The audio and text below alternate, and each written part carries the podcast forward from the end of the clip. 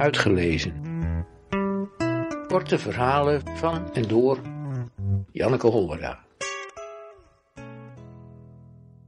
Ik herken u niet.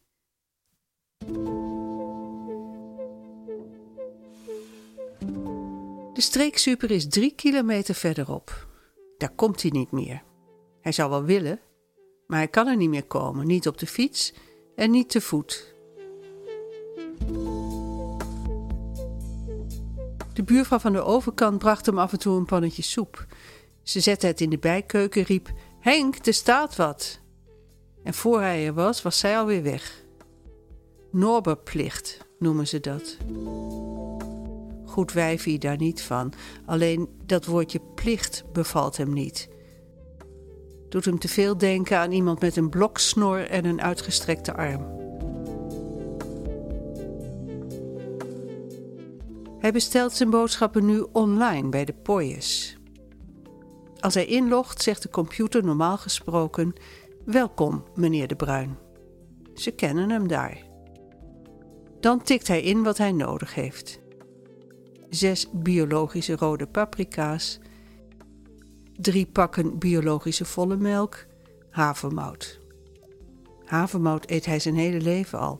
Hij is ermee begonnen als peuter en er nooit meer mee opgehouden, met uitzondering van de laatste oorlogsjaren. Dat hij zo van havermout houdt, komt hem goed van pas nu hij geen vast voedsel meer kan kauwen. De jongens of meisjes van de pooijes komen één keer per week met de auto voorrijden om zijn krat benodigdheden af te leveren.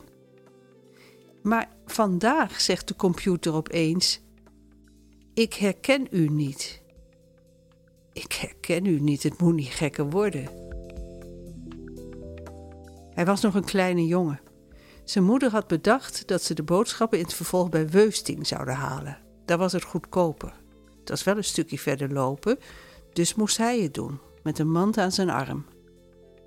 Het was een kleine groentewinkel. Wat aardappels, bloemkolen, wortels, bieten, rabarber, doberten. Goed spul. De man van vrouw Weusting verbouwde het zelf. Voordat het in de winkel kwam, spoelde hij in een vijver het zand eraf, zodat het mooi schoon in de schappen lag. En iedere keer als de jongen daar kwam, zei vrouw Weusting: Zo, Henkie, ben je daar weer? En later zei ze: Dag Henk, jongen. En nog later: Dag Hendrik. Ook na twintig jaar nog.